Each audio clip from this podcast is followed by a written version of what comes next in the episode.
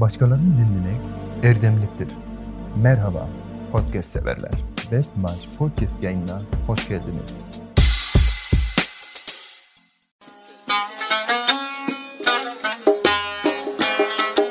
Yeni bir Best Match Podcast bölümüne hoş geldiniz.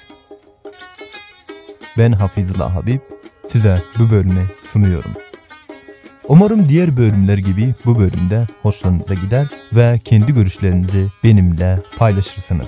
Eğer bölümle ilgili sorularınız varsa aşağıda belirttiğim iletişim adresinden benimle iletişim kurarak sorularınızı bana iletebilirsiniz. Geçen bölümün sonunda bu bölüm hakkında Hindistanlı Şahit-i Azam veya gerçek adıyla Bagat Sin'in ülkesine olan aşkı hakkında kısa bir hikaye olarak bir ipucu bırakmıştım. Eğer geçen bölümleri dinlemediyseniz bu bölümü dinledikten sonra diğer podcastleri de dinleyebilirsiniz. Rus devrimci yazar olan Maxim Gorki'nin hırsızlar hakkında görüşü şöyledir. Maxim Gorki dünyada üç tür hırsızlar vardır diyor. Bir tanesi sıradan hırsızlar, ikincisi siyasi hırsızlar ve üçüncüsü de din hırsızları. Eğer bunları açıklama gerekirse adi hırsızlar veya sıradan hırsızlar şunlardır. Karınlarını doyurmak için para, çanta, saat, altın ve telefon eşyalarınızı günlük hayatlarının geçinmesi için sizden çalırlar. İkinci tür siyasi hırsızlar ise sizin geleceğinizi, hayallerinizi, işinizi, hayatınızı, haklarınızı, maaşınızı, eğitiminizi, yeteneğinizi, kredilerinizi, itibarınızı, milli varlıklarınızı ve hatta vergilerinizi çalıp yağmalıyorlar ve sizi sefalet içinde bırakıyorlar. Üçüncü tür din hırsızları ise bu güzel dünyanız, düşünme cesaretiniz, biliminiz, bilginiz, aklınız ve bilgileriniz, kutlamanız ve mutluluğunuz, bedeniniz ve zihniniz, sağlığınız, mülkünüz ve servetiniz ve benzeri hırsızlığı yapıyorlar. Ayrıca size tanrı, din, cennet, hürafeler, cehalet, keder, yas, defransiyon ve benzeri gibi pahalı şeyleri satıyorlar. Bu tür hırsızlar adaletçi sözlerle size cennet bahçesini gösterirler ve yalan söylerler, aldatırlar, sağlık ve yoksulluk içinde, sefalet ve çaresizlik içinde bırakarak size binerler. Aynen, gerçekten binerler. Başka yana bakmanızı engeller, sizi tutarlar. İlginç değil mi?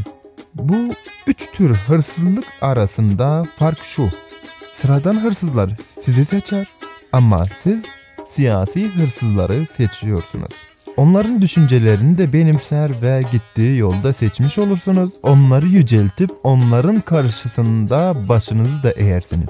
Bir diğer ve daha büyük fark şudur: Sıradan hırsızlar polisin zülmüne uğrar, tutuklanır, işkence görür, kırbaçlanır, kırbaçlanır, hapse atılır, kolları ve bacakları sağa sola safrulur, aşağılanır ve benzeri cezalar görür. Ama siyasi ve din hırsızlar her ikisi de kanunla ve polis tarafından korunmaktadır. Daha yüksek mevkiler alırlar, güç kullanırlar, baskı yaparlar.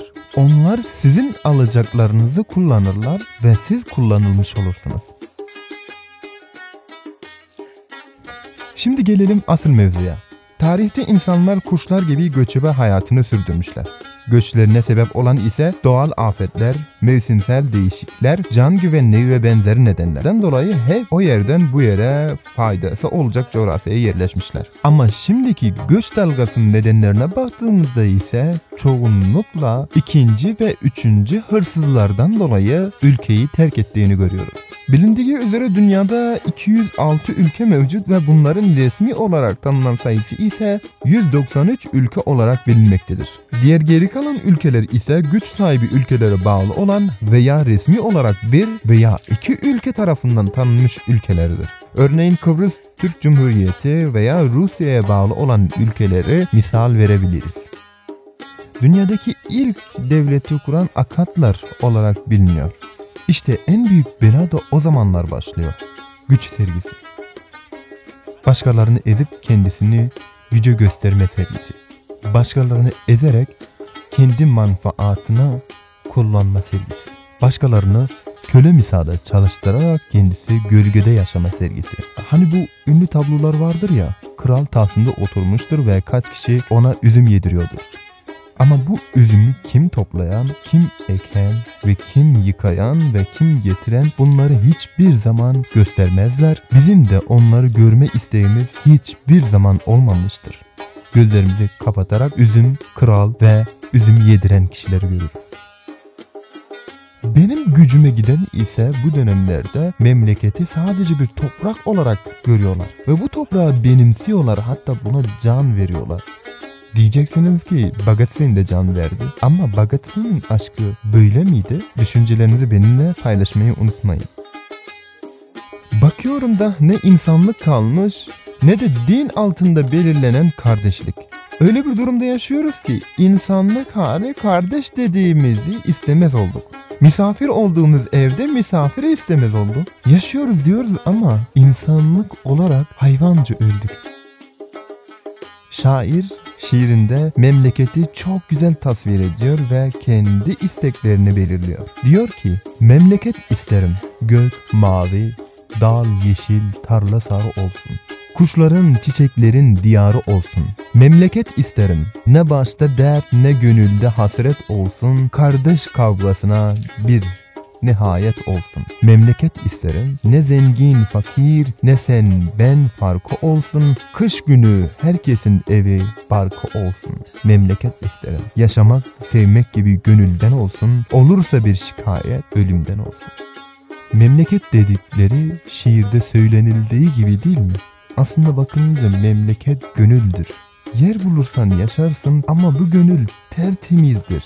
Kimseyi geriye itmez. Aksine herkese kucak açar ve hayvanları insanlardan ayırmaz.